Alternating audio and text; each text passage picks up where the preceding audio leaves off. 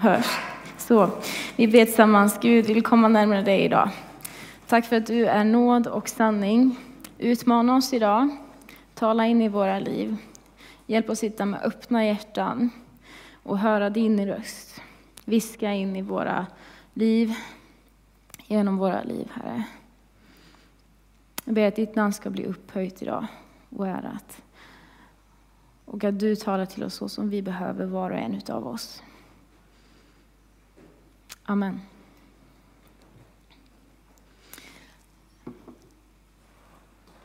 Roligt att få stå här igen och eh, predika för er. Vi har ett tema den här hösten, eh, nära världen utifrån vår vision. Och gudstjänstens tema, eller dagens predikotema, är allt för alla. Och jag kommer läsa och utgå från en text i första Korinthierbrevet kapitel 9. Så om någon bibel med dig får du jättegärna slå upp den och följa med. Jag heter Caroline Bergman, jobbar som ungdomspastor i den här kyrkan. Eh, så har ni fått det förklarat för er också. Men följ med till första Korinthierbrevet kapitel 9.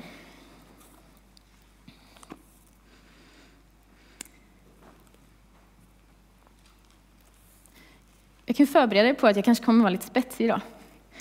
Men om du eh, misstycker så kan vi ta en fika nästa vecka, så kan vi prata om det. Vi får se. Första Korinthierbrevet kapitel 9, vers 19 till 23. Jag är alltså fri och oberoende av alla människor, men jag har ändå gjort mig till alla slav för att vinna så mycket som möjligt. För judar har jag blivit som en av dem för att vinna dem. För de som står under lagen har jag, trots att jag själv inte står under lagen, blivit som en av dem för att vinna dem. För de som är utan lag har jag blivit som en av dem för att vinna dem. Fast det betyder inte att jag inte har någon lag från Gud, för jag lyder Kristus lag. För de svaga har jag blivit svag för att vinna dem.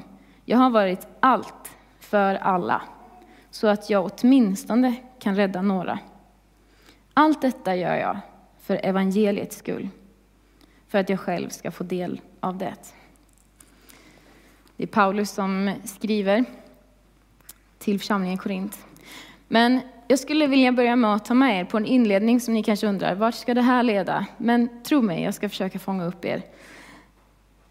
Att möta någon annan som inte är som jag, som vi pratade om, som Reiden pratade om här i början, vi är olika. Och det är oundvikligt att möta andra som inte är som jag. Eh. Jag skulle vilja fråga er, hur många av er har hört talas om cancel culture? Kan räcka upp en hand lite grann sådär. Det var förvånansvärt få som hade hört talas om det. Då ska jag förklara för er vad det är. Det är ett begrepp som har blivit kanske känt under de senaste två åren. Sådär. Ehm, och jag tror att ni kan känna igen det även om ni inte har hört ordet förut. Det är en kultur, ett slags, en attityd som är en slags name and shame. Alltså man hänger ut människor och liksom berättar om vad dåligt de har gjort och varför vi bör sluta stötta den här människan eller liksom avskärma den från eh, samhället. Det handlar om att aktivt skambelägga, peka ut, eh, tysta människor och kanske företag vars åsikt inte passar med våran. Eh, och ett exempel på detta är kvinnan på bilden här, J.K. Rowling. Det är hon som är författare till Harry Potter. Och man behöver inte tycka om hennes böcker. Men eh, hon uttryckte sig lite osäker och lite sådär kritisk till eh, transrörelsens kamp för att ta bort eh, kön. Eh, för hon var lite sådär att men det kommer ju motarbeta kvinnors rätt till att få liksom, bättre forskning om deras eh, tillstånd och kroppar och allt det där. Så hon var sådär, kan, går det här ihop? Eh, men det skavde ju väldigt mycket i människors ögon. Eh, och hon blev utsatt för det här cancel culture attityden där människor liksom bojkottade henne som person och som författare och hela hennes yrke. Och tyckte att alla borde sluta köpa och kanske bränna hennes böcker dessutom. Eh, hon tillsammans med 150 andra eh, gjorde ett uttalande och försökte liksom i sin tur bojkotta cancel culture. Eh, men det är ett exempel. Och jag tycker varje dag att jag kan se och höra om människor eh, i vår närhet, i vår vardag, som liksom blockar varandra från olika, antingen på nätet, medier, eller i våra vänskapskretsar för att någon råkade säga någonting som inte passade in. Minsta lilla felsteg. Och kan, man kan ju hoppas att det ser annorlunda ut i kyrkan. Eh, men jag vet att vi lever i samma värld, med samma inflytanden, och det är lätt att påverkas.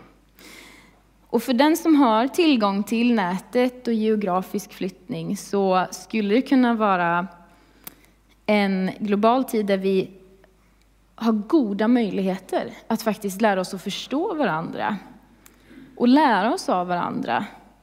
Inte kanske nödvändigtvis hålla med, men ändå försöka förstå varandra. Men istället, om man nu hänger mycket på nätet, eh, så styrs all vår input, allt det vi liksom tar in utav något som kallas för algoritmer. Nu är det lite överkurs, men algoritmer och formler som gör att det jag redan gillar, det jag redan tycker om att läsa om, eh, det får jag mer av. Och allt annat rensas bort på något sätt. Det görs i våra appar, i vår reklam, i våra googlingar. Skulle jag googla en sak skulle jag inte få samma svar som du förmodligen, särskilt inte om vi bodde på varsin sida av Sverige. Ehm, men kanske också till och med i våra nyheter. Att vi inte får tillgång till samma nyheter för att vi redan en gång har velat titta på en nyhet och då verkar inte det andra lika intressant för mig. Så då vill nyhetsfirmorna liksom mata mig med de nyheterna jag gillar för att jag ska fortsätta köpa dem. Och för den som inte anstränger sig så är det här designat för att vi ska liksom finnas kvar på deras plattformar. Men det riskerar ju också att vi aldrig bjuds på sunt motstånd med människor ansikte mot ansikte. Vi får liksom inte slipas mot varandra. Och jag vet inte, men jag kan känna, förstår ni vilka bubblor vi riskeras att liksom hamna i? Och vilka snäva världsbilder vi kan få och som vi riskerar att tränga in andra i också. Vi tränger in andra i det här, liksom den bubblan och den världsbilden och vi hör inte ihop. Vilken splittring det skulle kunna leda till. Och jag tror att kyrkan har en unik chans när vi möts, olika åldrar, olika, liksom från olika bakgrunder, eh, vi olika personligheter, med olika förutsättningar, att vi har en unik chans att motverka det här. Men vi behöver vara vakna över det. Det fanns en församling i Korint som vi läste om här i inledningen. De hade problem med splittring. De var människor från olika kulturer, från olika bakgrunder.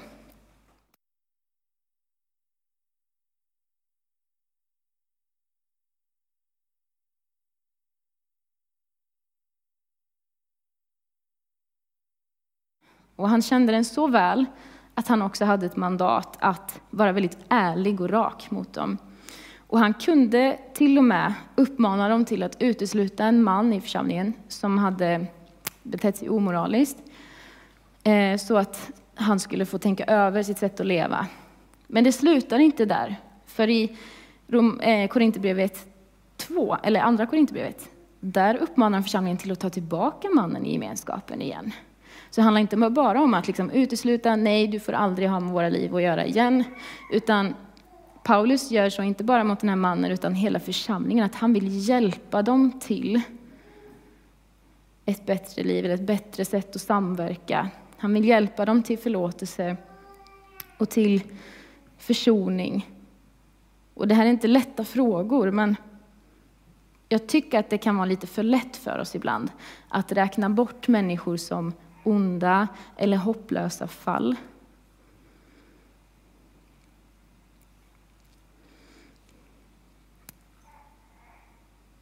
Ja, i veckan så var jag med om en sak. Det kom en man till mitt hus och plingade på. Som många andra svenskar så blir man lite... Vad händer först? Varningsklockan ringer. Vem vill, no vem vill mig någonting? Och han visade en lapp där han förklarar någonting om hans livssituation. Han behövde en försörjning och så ville han sälja träleksaker för att kunna få in pengar till sina barn. Och som sagt, lite färgad av samhället så ringer några varningsklockor först, men sen så fortsätter jag med att ställa lite frågor, lära känna den här mannen lite grann, se vad det är han vill och sådär egentligen. Och sen slutligen köpa en av leksakerna som jag faktiskt tyckte var väldigt fin. Dagen efter så ser jag på min Facebook, i en grupp som jag egentligen inte är med i, men jag såg det ändå, att någon har lagt ut och tagit en bild på den här mannen på håll och varnar hela vårt ja, Tibro egentligen, om den här mannen i gruppen Brottsplats Tibro. Han varnar i Brottsplats Tibro om en man, hon varnade om en man, och uttrycker att han försöker säkert lura gamla människor. Och jag kände att jag kände mig nog nästan mer lurad när fiskbilen från Göteborg och en spennebanan försökte lura, eller liksom sälja fisk till mig, än den här mannen. Den här mannen kändes mer ärlig. Och när man läste mer om vad hon hade att säga så hade hon egentligen ingen aning om vad den här mannen ville. Hon bara såg på avstånd en man knacka på, visar upp en lapp. Och dömer ut honom och hänger ut honom med bild och varnar Tibro för att den här mannen kanske är farlig. Och jag känner hur det liksom kokar inom mig när jag berättar om det. 113 kommentarer. Och en av dem undrar, är det vettigt att hänga ut en man så här utan att veta vem man är och vad man vill? Det behövs inte att någon gör något fel ens för att vi ska hänga ut varandra på det här sättet. Eh, och jag skakar typ av så här, helig ilska. Eh, men jag är övertygad om att vi behöver vara vaksamma om vad vi matar oss med, vem vi lyssnar till. Som det jag försöker säga idag är inte lyssna till vem som helst. Liksom, ha inga kritiska eh, glasögon. Det är inte det jag försöker säga. Men jag skulle vilja be oss alla om att försöka förstå den vi möter lite mer. Och kanske också försöka möta den vi inte förstår lite oftare. Kanske ibland behöver vi anpassa oss till och med. Och att anpassa sig i dagens samhälle klingar väldigt dåligt i våra öron. För vi ska ta plats. Vi ska ryta ifrån och fokusera på oss själva. Byta bort det som inte passar. Om det är ett kök i ett hus vi flyttat in i som är visserligen nytt men inte riktigt min stil. Eller om det är möbler, jobb, kanske en kyrka som inte passar, en partner eller till och med familj. Vi uppmuntras till att byta bort det bara, om det inte passar. Och anpassning i biblisk mening tror jag handlar om något helt annat. Som Paulus skrev i början så har han valt att bli slav för andra människor. Och det handlar inte om att bli slav i den meningen vi tänker på, att gå i bojor och inte ha några egna rättigheter. Utan det handlar om att vi kan få möta en människa där de är, så att de kan få möta Jesus. Grundordet i texten som vi läste för slav, egentligen tjänare.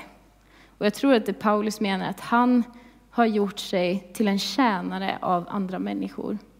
För att betjäna och för att tala deras språk, så att de kan få förstå att Gud vill ha med dem att göra, att han älskar dem.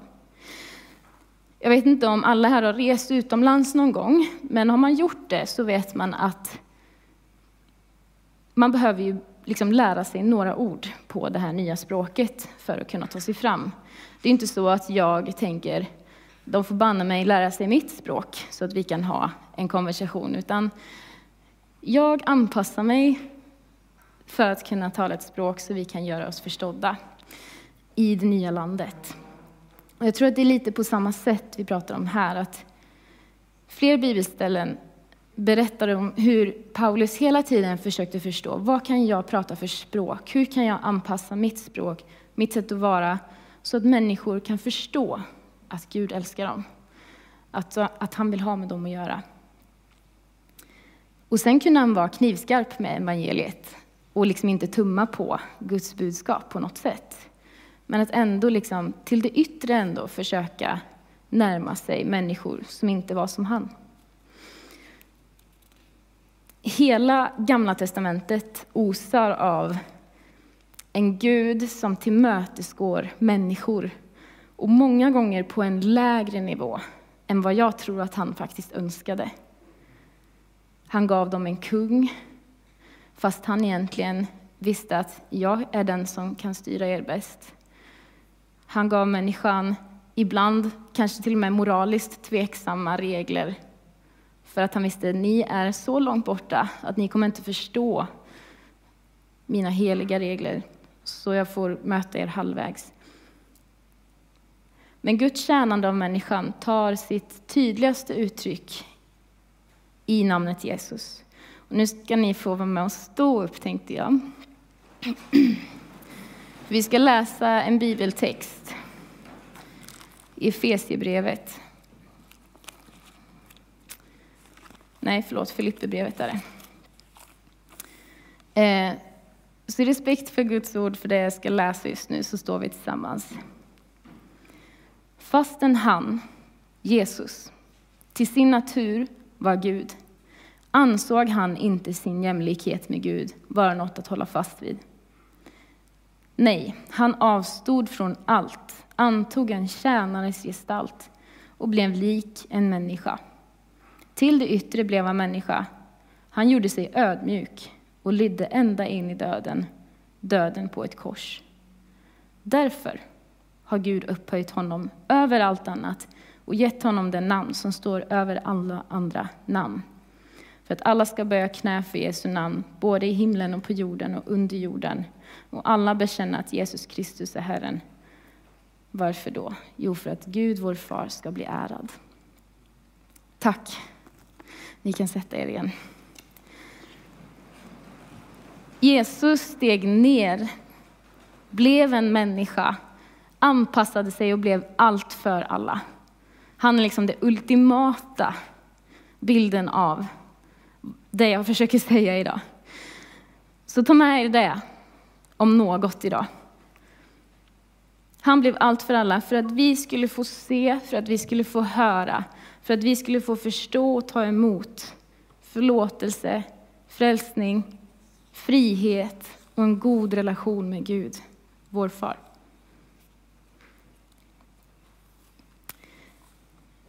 Några nycklar då för att kunna kanske förstå och anpassa detta till vårt idag och våra liv. Fyra stycken skulle jag vilja ta upp. Och den första är evangeliet. I första Korinthierbrevet, återigen, som vi läste i början, så säger Paulus Allt detta gör jag för evangeliets skull. Han gör det inte för någon annans skull på ett sätt, för att vara någon störmatta.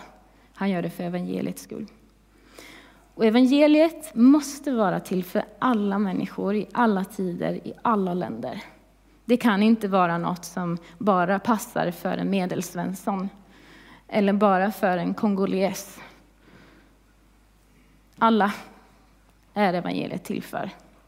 Kulturer kommer och går, men Guds ord består. Om vi tror att enda sättet att vara kristen på är att vara en vit svensk som gillar fredagsmys och punktlighet, att vara uppe tidigt på morgonen, då är det kört för mig. Eh, men jag tror att vi har någonting viktigt att lära av dagens predikan. Om vi tror att det enda sättet att vara kyrka på är att ha den coolaste musiken, eller att gå i kyrkan när det är mysigt på jul, att vara snäll och smidig, då har vi också någonting viktigt att lära oss idag. Evangeliet kan förmedlas på många olika sätt. Men det kärna måste alltid vara detsamma. För svarta, för vita, för fattiga, för rika. för unga, för gamla. Johannes 3 och 16. Så älskade Gud världen att han gav sin enda son för att de som tror på honom inte skulle gå förlorade utan få evigt liv. Det var inte för att döma världen han sände sin son, utan för att världen skulle räddas genom honom. Det är evangeliet. Det kan vi aldrig tumma på. Vi kan tumma på hur vi presenterar det, men inte att evangeliet är evangeliet. Nyckel nummer två. Möjligheter som trumfar rättigheter. I hela, liksom, ja, inte hela, men stora delar av kapitel 9 som vi läst förut, både vers 12, vers 15, vers 18, så upprepar Paulus hur han inte har använt eller utnyttjat sin rätt. Det tycker jag är intressant. Vi ska läsa. Om andra har rätt att få något av er, har väl vi en ännu större rätt. Men vi har aldrig utnyttjat denna rätt, utan har försökt klara oss själva så gott vi kan, så att inget skulle bli till hinder för evangeliet om Kristus. Paulus talar om att han borde få betalt egentligen för sin insats, men han vill inte att något ska stå i vägen för att evangeliet ska spridas, så därför avstår han. Eh, och rättigheter är inget dåligt, ska jag säga. Eh, men Paulus kan ibland känna att så här, här kan min rättighet kanske ligga lite i vägen för att jag ska helt nå ut med evangeliet. Och då väljer han möjligheten att nå ut med evangeliet. Eh, jag är ungdomspastor som sagt och alldeles för stor procent av mina tonåringar upplever sig kränkta i skolan för sin tro. En eh, undersökning som kom ut förra året, tror jag det var, där så var det 50 procent av de tillfrågade ungdomarna de svarade att de upplever kränkningar för sin tro i skolan och i vardagen, inte bara av sina klasskompisar utan också av sina lärare. Och de har all rätt att bli respekterade för sin tro. Så jag skulle inte döma mina tonåringar om de skulle tystna när de möter sånt mothugg hela tiden, ibland varje dag. Men ändå så fortsätter de att be för sina klasskompisar. De fortsätter att berätta om sin tro och fortsätter att försöka visa kärlek till sina klasskompisar. Det är precis det Paulus talar om, tänker jag. De är sådana förebilder. De, det kan vara svårt att se en sån människa som liksom kanske kränker mina rättigheter, som en potentiell lärjunge, nyfrälst människa. Men jag tror att vi behöver akta oss för att räkna bort dem, som att det är körda fall onda, körda fall, för inget omöjligt för Gud. Där kan det vara viktigt då att, okej okay, med rättigheter, jag ska egentligen få respekt för min tro, men jag väljer att ändå be för den här människans frälsning och för att den ska få möta Jesus.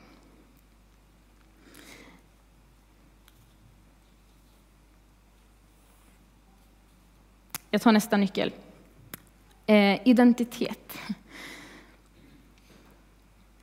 Jag tror att om vi kan vara trygga i vilka vi är i evangeliet, att vi är Guds barn, så kan vi också vara trygga i det vi brukar kalla för världen, det Bibeln ibland kallar för världen, det som är mot Gud, mot Guds sätt att tänka.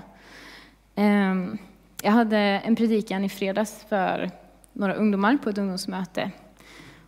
Och man kan vid första anblick tänka att jag nästan motsäger mig själv idag mot i fredags. För där predikar man att man skulle leva i världen men inte av världen. Man ska inte anpassa sig efter världen, som det står i Romarbrevet. Jag tror att vi pratar om olika typer av anpassning här. Eh. När Paulus säger att vi inte ska anpassa oss efter världen så säger han att vi inte ska bli världen eller liksom finna vår identitet i det som de som inte känner Gud finner sin identitet i. Utan återgå till att vi känner Gud och han får sätta standarden för våra liv. Och att anpassa sig, som Paulus pratar om idag i Korinthierbrevet, det handlar mer om att jag vet vem jag är i Gud och i Kristus. Och därför kan jag gå över på den andra planhalvan och möta människor trygg i den jag är. Men också gå över till den andra människans planhalva och möta den där den är. Så att vi kan hitta vägar, prata varandras språk. Det skulle kunna betyda att om man har varit troende länge, anpassar sig till den som inte har varit troende länge, har lite mer överseende, kanske tänker att det är inte så viktigt att just mina preferenser uppfylls när jag går på gudstjänst, i vad det ska spelas för musik eller talas framifrån, på vilket sätt eller hur man ska se ut.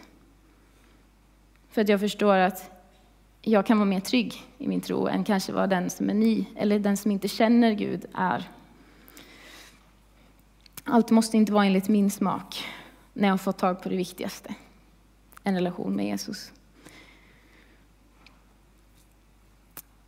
Nyckel nummer fyra. Uppdraget. Vi har fått ett uppdrag. Första Korinthierbrevet 9 och 19. Paulus säger att jag gör det här för att vinna så många som möjligt. Det är vårt uppdrag. Och Jesus är både vårt föredöme och vår uppdragsgivare i detta. Och han påbörjade detta och vi kan bara få länka in i det och fortsätta. Som ett gensvar och som en lydnad och i tacksamhet för vad han redan har gjort för oss. Och jag tror att det är något vi behöver vara överens om. Trots att vi är olika och vi tänker olika och vi tycker olika om vad det står i den här bibeln och hur man ska leva sina liv, så behöver vi vara överens om att Jesus måste få vara i centrum. Att det får vara vårt gemensamma uppdrag att fler ska få lära känna Jesus.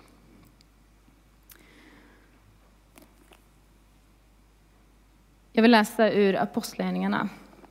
Jag tror jag läser från mitt papper. Han skapade alla folk från en enda människa och spred ut dem över hela jordens yta. Han bestämde deras tider, stakade ut deras gränser inom vilka de skulle bo. Det gjorde han, varför då? För att människorna skulle söka Gud och kanske hitta vägen till honom. Men han är inte långt borta från någon av oss. Alltså, vi är där vi är, på våra olika platser. Vi är utspridda. Vi är olika för att kunna möta så många som möjligt. När vi pratar om att vinna människor, då tänker jag att vi inte pratar om att vinna över människor. Vi fightas inte, vi krigas inte mot människor. Bibeln är tydlig med att det vi krigar mot är helt andra saker, onda andemakter och sånt, inte mot människor. Men vi vill vinna med människor. Vi vill att de också ska få vinna Jesu vinst och seger. Vi vill glädjas med andra människors frälsning. Så istället för att tänka att vi vill vinna över människor, att jag ska besegra dig som en medmänniska, så vill jag att du ska få vara med i den seger jag har fått ta del av.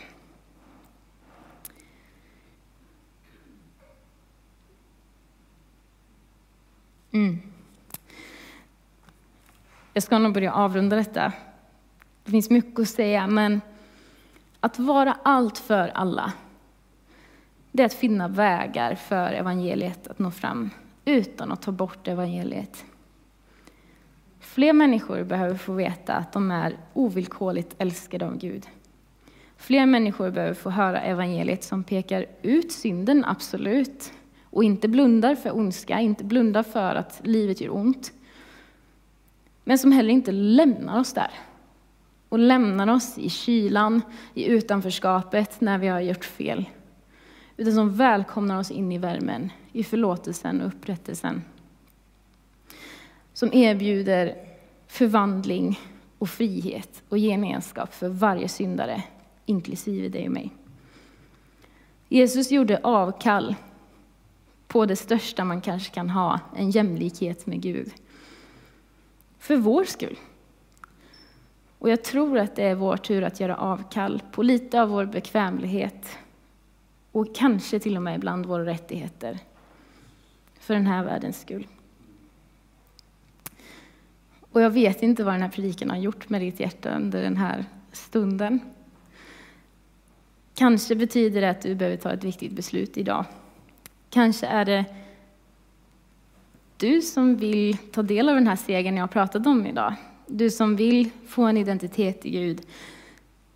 Som vill lämna ditt liv till Jesus. Kanske brottas du med något eller någon som hindrar dig från att dela din tro och evangeliet. Kanske med din klass, eller granne eller vän, arbetskamrat, familj. Kanske är det någonting som skaver i dig när du hör det jag säger idag. Eller är det någonting som befriar dig. Oavsett så kommer vi be tillsammans. Vi kommer sjunga tillsammans. Och det finns förebedjare som är beredda på att be för dig och med dig. Jag kan också tänka mig att göra det. Och vi är i detta tillsammans. Ehm. Men vi ber tillsammans först. Jesus, jag tackar dig för att du ständigt utmanar oss att lyfta blicken. Och att du i det befriar oss till att bli mer de du har tänkt att vi ska vara. Till att bli friare människor som inte behöver bindas av den här världens sätt att tänka som är inte alltid någonting ont, men någonting som ändå binder oss, som inte är beständigt, som inte är evigt. Utan att du befriar oss till ett evighetstänk. Till ett stadie där vi kan få älska människor så, på ett så speciellt sätt att det kanske till och med provocerar ibland. För vi är fria, för du har satt oss fria till att göra det. Tack för att du går med oss i allt detta, i alla våra utmaningar, i allt det som känns jobbigt, i det som jag har lyft idag. Jag ber att det inte ska få bli en börda, utan att det ska få bli till uppmuntran, till utmaning, till att vi kan få bli mer lika dig. Du vet exakt vad vi brottas med var och en. Och jag tackar dig för att du inte lämnar oss ensamma i det. Utan du kallar oss ut i tjänst, ut i ett friare liv, ut i ett liv som är mer präglat av din kärlek och närvaro. Gör oss frimodiga, Herre. Tack för din heligande som ger oss och hjälper oss med allt det vi behöver. Din är äran. Tack för att du avstod från allt. Antog en tjänares gestalt för vår skull. Låt det få bli källan till allt vi gör. Amen.